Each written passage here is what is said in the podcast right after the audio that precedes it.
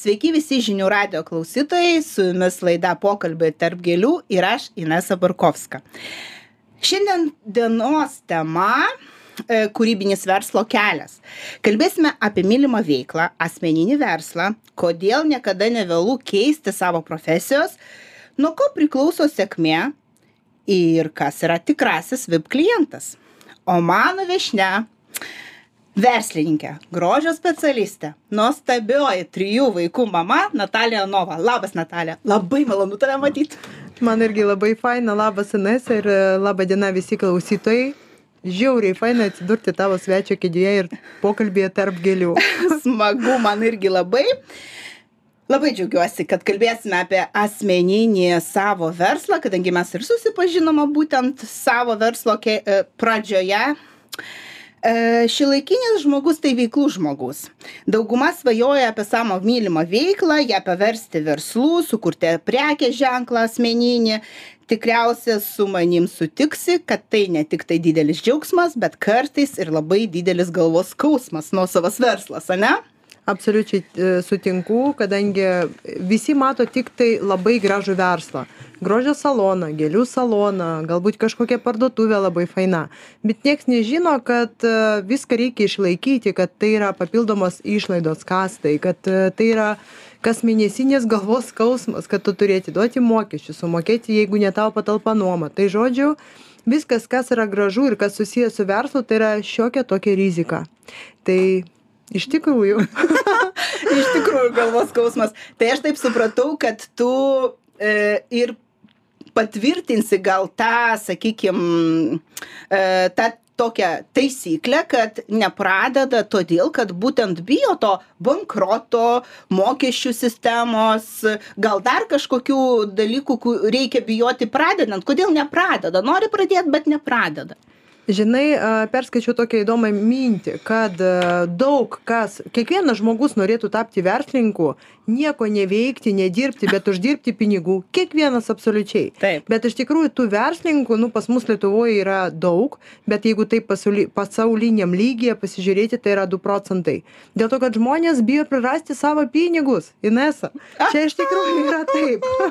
Nu bet verslas rizika. Nu tai jeigu tu negalvosi kad tu gali prarasti tai tu ir nepradėsi pradėsi nu čia toks užburtas ratas gaunasi. Uch. Šiaip taip bet esi sutikus e, savo gyvenimo kelyje žmonių manau kad tikrai esi sutikus kadangi labai veikli esi kad yra žmonės kurie amžinai taupo bet bijo sau išleisti. Sau gaili. Gaili geram produktui gaili poilsiui gaili tai pačiai puokštei kuri skaniai kvepia ir stovi namuose ant stalo ane ir yra žmonių rūšis tokių kaip aš kurie pastoviai išlaidauja. Bet vat kaip tapau verslininke iš karto sustojau tą daryti nes pradėjau galvoti apie tai kad pinigas turi uždirbti ir e, integruotis kažkur tai. Kad jisai turi pinigas uždirba pinigą. Va taip paprastai kalbant kadangi paminėjai kad esi dabar verslininkė tapai paminėjai kad tapai verslininke taip. Nes esi iš tikrųjų labai kūrybiška asmenybė ir išbandei įvairius verslus nu kiek aš tave pažįstu turi teisinį išsilavinimą bet pradėjai nuo suknelių salono suknelių nuomos salonų verslą o šiandien galima sakyti pakeitei savo profesiją esi koloristė ir esi e, labai prašmatnaus salono savininkė tai kas lemia tavo pokyčius? Kodėl tu pakeitei tą profesiją ir savo nežinau profesinį kelią? Mm, nežinau inesa iš tikrųjų nėra atsakymo bet kodėl pakeičiau? Todėl kad pradėjau daryti tas kas miela širdžiai. Va taip paprasčiausiai mhm. kalbant. Nes e, taip mano teisinis išsilavinimas bet e, labai jauna tapau mama dvidešim trijų metų jau turėjau du e, vaikus dvi dukros Ir iš tikrųjų taip išėjo galvoju, nu kaipgi reikia kasytės išmokti pink, nes viena po kitos dekretas lemia tai, kad aš nu, norėjau kažko daryti rankom, kad nesėdėti namuose, nes amžinai esu verslus, veiklus galbūt žmogus ir tada jau tapau verslininkė. Va taip prasidėjo mano istorija. Ir pabaigiau kirpėjų kursus. Paprasčiausius, kurie tik tai galėjo būti. O tada, kai pagalvojau, kad reikia turėti savo verslą, kažkodėl vat dvi dukros gal gal pati mergaitė tokia buvau pagalvojau kad faina turėti tą saloną vat vestuvės labai graži šventė Suknelė. suknelės viskas balta. Net nepagalvojau kad aš nei kiek esu ne siuvėja kad tai yra labai sudėtinga. Tai pati žinai taip ir susipažinom krapščiausi tam versle aštuonerius metus verslas buvo gražus nebuvo iki galo pelningas bet aš visą laiką šalia jo buvau kirpėja. Turėjau tus klientus a, kirpau dažau dariau viską kas tiktai vat širdžiai miela Tai galima sakyti, kad lemia tai, kad tu pasirinkai tą kelią, kuris tau yra iš tikrųjų malonus. Kaip be suprantu. galo malonus ir labai labai džiaugiuosi kiekvieną dieną kad aš esu kirpėja Ir klausytojams išduosiu, kad tu šiandien, nu, tikriausiai jau daug kas ir žino ir tai yra populiaru, kad tu šiandien pati daliniesi būtent e, ne tik tai mokymus, e, kur ruoši ten, nežinau, kirpėjas ir taip toliau, bet ir daliniesi savo patirtimi ir padedi įgyti tą profesiją, kurį tu įgyjai kažkada, ne? Jo, aš baigiau iš tikrųjų, kai aš ieškojau, paprasčiausiai pradėdi, pradėsim nuo to, norėjau tapti kir- kirpėja, pradėti pinti kasytės dukrom, ane? Ir pradėjau ieškoti ir supratau, kad nu nėra kur, ne taip ir paprasta susirasti iš tikrųjų, tai jau matyti ten, žinai, atsidėjo į smegenis tą istoriją, ne kad nu nėra kur, reiškia, kažkaip reikia galvoti. Aš pabaigiau pa, labai paprastus kursus Vilniuje. A, tada pradėjau jau kažkur domėtis, ne, atsirado Aukščiau. YouTube'as, kažkur tai knygas pradėjau pirkti, važiuoti į papildomus mokymus. Rygoje pabaigiau irgi e, tokią labai fainą instituciją, Kreitin Ryga. Žodžiu, va taip prasidėjo mano kelias, o paskui supratau, kodėlgi nepasidalinti, kodėlgi pačiai nepadaryti, nu, tai, kas, kas, kas, ką pati ieškojau. Pati Mhm. ieškojau kursų ir pradėjau aš iš tikrųjų ne uh, nuo kursų nuo pradžios, kur pradme- pradmenys uh, mokiname, ne amato pradmenys, o pradėjau kaip tik e, dirbti su jau patyrusiom kirpėjom. Aha. Nes dalinau jiems visokias įvairiausius patarimus, kaip čia nudažyti, kaip čia nukirpti. Ir supratau, kad e, šita idėja yra labai labai smagi. Kai daliniesi, gauni nuopelną. Tai yra tavo būsimi studentai. Tai aš supratau, tai tom ir ypatingi tavo mokymai, kad jie skirti būtent profesionalams ir tiems, kurie nori tą kelią pradėti nuo pradžių, ne? Jo, dabar jau treti metai, kai mes įkūrėm jau visą studiją, kur mokymai nuo nulio. Jau galima pas mus mokintis amato nuo nulio. Nebūni koloristų, nebūni kirpėjų, bet nori to išmokti, galima tai visą padaryti pas mus. Iš tikrųjų labai fainas dėstytojų kolektyvas. Tai va. Ir visi salono kolektyvo nariai. Va taip, va, galiu pasakyti, kodėl mes esame unikalūs. O būtent pažengusius kirpėjus aš mokinu pagal savo autorinės koloristikos metodikas. Tai va. O, tai labai smagu. Tai, žinai, čia dabar man toks klausimas kilo, nes aš pati irgi vedu tos mokymus, tik tai kitos, e, kitoje srityje mes kaip ir kolegės esam. Tu mane kažkada ir įkvėpiai. Čia ilga istorija, gal kada nors papasakosim, bet iš tikrųjų tu mane įkvėpiai ir net tokį spyriai užpakalį davėjai, kad sakai, pradėk, pradėk, pradėk. Ir šiandien tai viskas išsirutuliavo į tokią tikrai labai labai, nu, didelę organizaciją. Bet mano klausimas bus, būtų toks, nes pati paminėjai, kad prieš tuos e, keletą metų nebuvo tų mokymų tokia gausa, kokia yra dabar. Ir net tapo gal savotiškas toksai mm, užsiemimas šio laikinio žmogaus, e, kažkokie mokymai. Nu, kažkas savirealizacijos ieško, kažkas e, kūrybinių kažkokių momentų. Ir kaip nepasimesti toje gausoje, kaip išrinkti tos mokymus, kurie, kurie būtent tinka tau. Pagal kokius kriterijus ieškoti. Jeigu, pavyzdžiui, nu, vat, noriu kažko išmokti, ir nežinau, kaip čia man dabar pasirinkti. Tai pagal kokius kriterijus pasirinkti būtent savo mokymus? Nepaprastas klausimas, bet visą laiką, man atrodo, tarkim, mūsų studijos duris, aš manau, kaip ir tavo floristikos kursų duris yra atviros. Visą laiką galima ateiti, susipažinti su dėstytojo, mane susipažinti su įkūrėja, su manim, aš amžinai su salonė. Nuo iki- Amžinai jo, tikrai. Visą laiką ten mane ir rasi, kaip sako, mane. A, ir galima nueiti pasižiūrėti, nes studija pagal mano kriterijus turėtų būti šiuolaikiška, turi būti tinkama auditorija, turi būti toks kaip grožio salonas jeigu mes kalbam apie grožio kursus ane jeigu floristikos kursai tai turėtų būti toks kaip floristinis kūrybinis ane kažkoks a, fainas būrelis pavadinkim jį šitaip.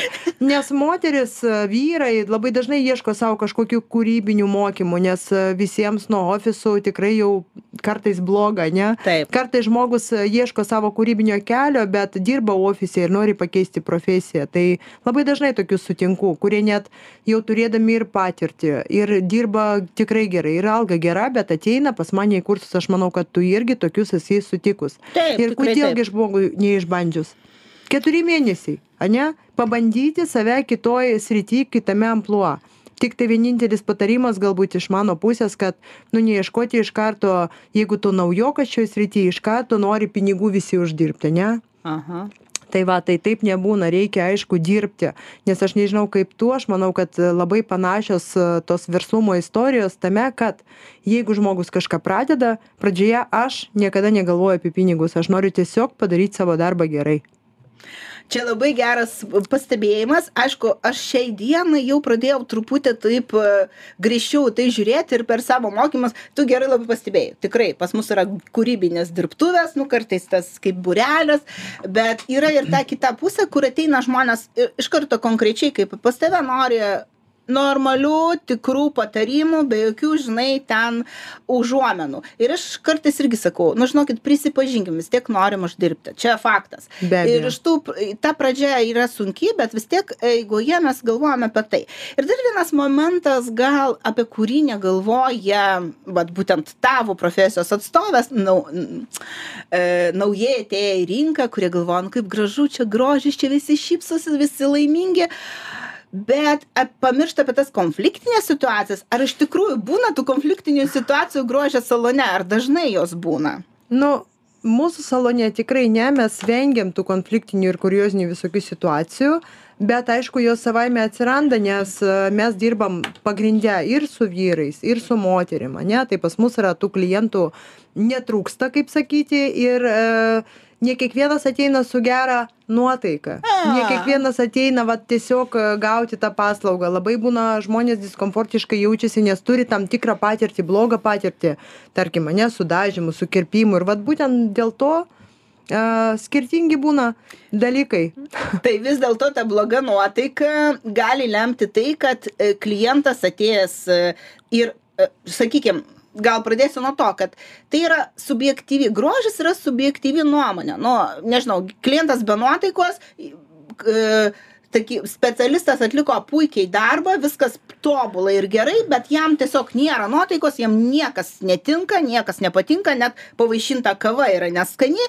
Ir kaip tada spręsti tokią situaciją? Nu tu matai kad viskas čia atlikta nu tobulai bet klientas vis tiek sako nu kažkaip man ne. Ne matyt netobulai buvo atlikta Ai, vis kad dėlto ne? jo dėl to kad aš visą laiką sakau mūsų paslauga prasideda nuo psichologinės geros Aha. konsultacijos aš taip mokinu savo studentus būtent taip mes kalbam O, su tai savo kolektyvu patarimas. ir mes visą laiką kalbam ane nes mes turim pajusti kodėl aš sakau mūsų profesija kirpėjo profesija yra pernelyg sudėtinga kad tu galėtum va taip per keturis mėnesius tapti jau geru specialistu tai yra pastovi patirtis pastovus darbas neįmanoma tapti geru meistru sėdint namuose ir žiūrint teorines kažkokias ane ten praktinius darbus televizorių jutubą neįmanoma reikia dirbti su tuo žmogum reikia dirbti su klientu.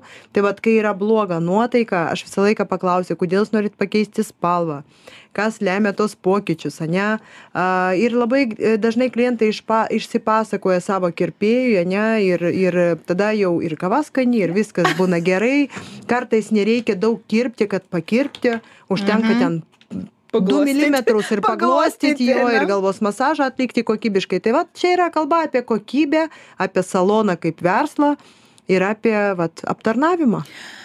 Tai aš supratau kad iš jūsų pusės tai jūs darot viską kad klientas būtų patenkintas o tada su kokiais klientais sunkiausiai dirbti? Ar yra kategorijos kažkokios pas jus būtent grožio salone nežinau grožio industrijoje su kuriais klientais yra tikrai sunkiausia vat ka su ką uždarais va taip pasakysiu mhm. nes kiekvienas klientas yra turbūt kažko nori kažkokios paslaugos jisai ateina ir jeigu jisai atranda savo meistrą jisai tampa nuolatiniu mūsų salono klientu. Tai va. Taip ir aš susikūriau savo klientų ratą ir bet būna klientas toks uždaras kurio tu nelabai supranti kuo jisai nori ką jisai jaučia. Bet žiūri kad tas klientas lyg tai ir sugrįžta pas tave ir patenkintas paslauga kažką sugalvojęs išpasakoja vat kažkokių tokių norų keistų turi. Nu ir tai irgi nėra blogai bet vat man sunkiausia ir manau kad salonuose sunkiausia dirbti su tais klientais kurie uždari uždaresnio tokio tipo už ir nenori išsipasakoti nenori paaiškinti ko no su jais. supratau. Nepaaiškina savo norų. Aš kartais e, savo savo specifikoje sakau nu kartais e, išskirtiniai klientai kurie nežino patys ko nori būna ir tokių. Visi norim vip klientų tikrai visi norim vip klientų bet aš labai dažnai susimąstau kai mes sakom "Ah, šitas klientas tai jau vipas koks tas vipas kas yra iš tikrųjų vip klientas ir kas yra tau vip klientas jūsų salonui vip klientas. Nu tas very important person Taip, taip, o kas kas tai jisai yra? toksai? Nu man a, kiekviena persona kuri ateina į mano saloną jau tampa svarbi ane Mhm. Taip. bet very important klientas tampa tik tada kai jisai jau apsilanko bent jau du kartus ane ir tada norisi dar geresnės paslaugos teikti dar kažko sudomint tą klientą ir man nuolatiniai klientai kiekvienas iš jų yra vipiniai mes jau žinom iš anksto kada kliento gimtadienis mes žinom a, a, šuns vardą, ane, kokią klientas įsigijo, vaikus, kaip gyvena sunus dukra. Nu, norisi, vat, ir, ir tada klientas jaučiasi svarbus ir man tikrai pačiai labai smagu a, bendrauti su klientais, žinau, kas stato namą, kas persikėlė iš kaimo į miestą. Žodžiu, tokie labai esminiai dalykai, va čia yra mano VIP klientai. Oi, kiek paslapčių jūs e, tu slepiat savo toj skrinutėje, ne? Kiek, kiek išpasakota istorijų, ne? Čia, Labai. Čia tikras, čia tikras gyvenimas pas jūs vyksta, aš pati lankausi ir pati žinau, kad ateinu ir norisi išsipasakoti. Tu kaip labai geram- lengvas klientas, tarp kitko. Konservatyvus nesikeičia nei spalva, nei, nei toks, tai plaukas. gal blogas iš kitos pusės. Puikus. O žinai, dabar labai, e, kaip ir e, pradžia buvo tokia pasakyta, kad, nu, sunkus vis dėlto tas verslas, tas kelias, o dabar vis, vis toliau, vis aš taip pati suprantu, kad tai visai smagus tas darbas. Labai. Ir jeigu kas klausytojas kurios mus klauso, sako, nu norėčiau pradėti, bet nu neturiu aš to tokio finansinės, nežinau, pagalbės, kaip čia pavadinti. Ar įmanoma pradėti su nedideliu biudžetu, būtent grožio salono arba grožio industrijos verslą? Ar tikrai galima pradėti? Nu, Tikrai taip. Nuo ko tada pradėti? absoliuti nepaslaptis, kad reikia įgyti tam tikrą išsilavinimą, netapti kirpėjų, Mhm. rasti savo sritį, nori dažyti, kirpti, daryti šukuosenas, išnuomoti vietą arba nueiti dirbti procentų į saloną gerą, tarkim, tokį kaip pas mus, ne? A, ir tada Darbo tau viskas pasiūlymas. duodama. Įsivaizduojat, nieko nereikia turėti. Tu tiesiog turi ateiti su savo rankom, mes viską net jeigu ko nemokė, išmokinsime. Tik tai vad dėja, kad tų salonų kažkodėl, ir čia yra kita, aš manau, tema, kažkodėl tų salonų yra mažai. Dėl to, kad patys verslininkai bijo atidaryti saloną ir dirbti už procentą. Tiesiog Mm. nuomoja vietas. Ai, supratau. Taip, tai va, nuoma- matai, kitas, kitas Jo. rytis, čia jau reikia gilintis toliau ir aš Labai. manau, per tavo mokymus tu apie tai pasakoji. E, Jeigu tu jau pasakai, kad šiaip tokių salonų mažai, bet apskritai salonų Žodžiu, grožio. pinigų nereikia, pradedant verslą. Taip, nu, supratau. Gali tiesiog išnuomoti vietą, pradėti nuo pirmų klientų, jeigu kokybiškai atlieki darbą, pas tave sugrįš ir taip Bet toliau. jeigu jau nori salono, tai čia yra kita pokalbė Kita tema, ne? Ir čia jau tu nu- nori už šimtą eurų gali, nežinau, ten nieko nerasi, ne? Gali šimtą tūkstančių ir padaryti labai gražiai, bet tas verslas gali būti nepelningas. Tai gerai, tai dabar tada klausimas toks būtų. Tų salonų yra tikrai Vilniuje, Lietuvoje perpildyta. Nu, jeigu mes apie Vilnių kalbam, tai mes turim jų tikrai daugybę, kaip ir gėlių, kaip ir grožio. Bet tavo salonas visą laiką tavo salone visą laiką pilnas užimtumas o pas tave tai net aš negaliu drauge užsirašyti tai kas lemia tavo būtent verslo nežinau sėkmę jeigu taip galima sakyti Paprasčiausiai šypsena yra aukštos kokybės aptarnavimas. Nu, va, kaip smagu. Kaip smagu. Ir tada į pabaigą norėčiau tokį labai, e, sakykime, asmeninį klausimą, kuris rūpi ir man.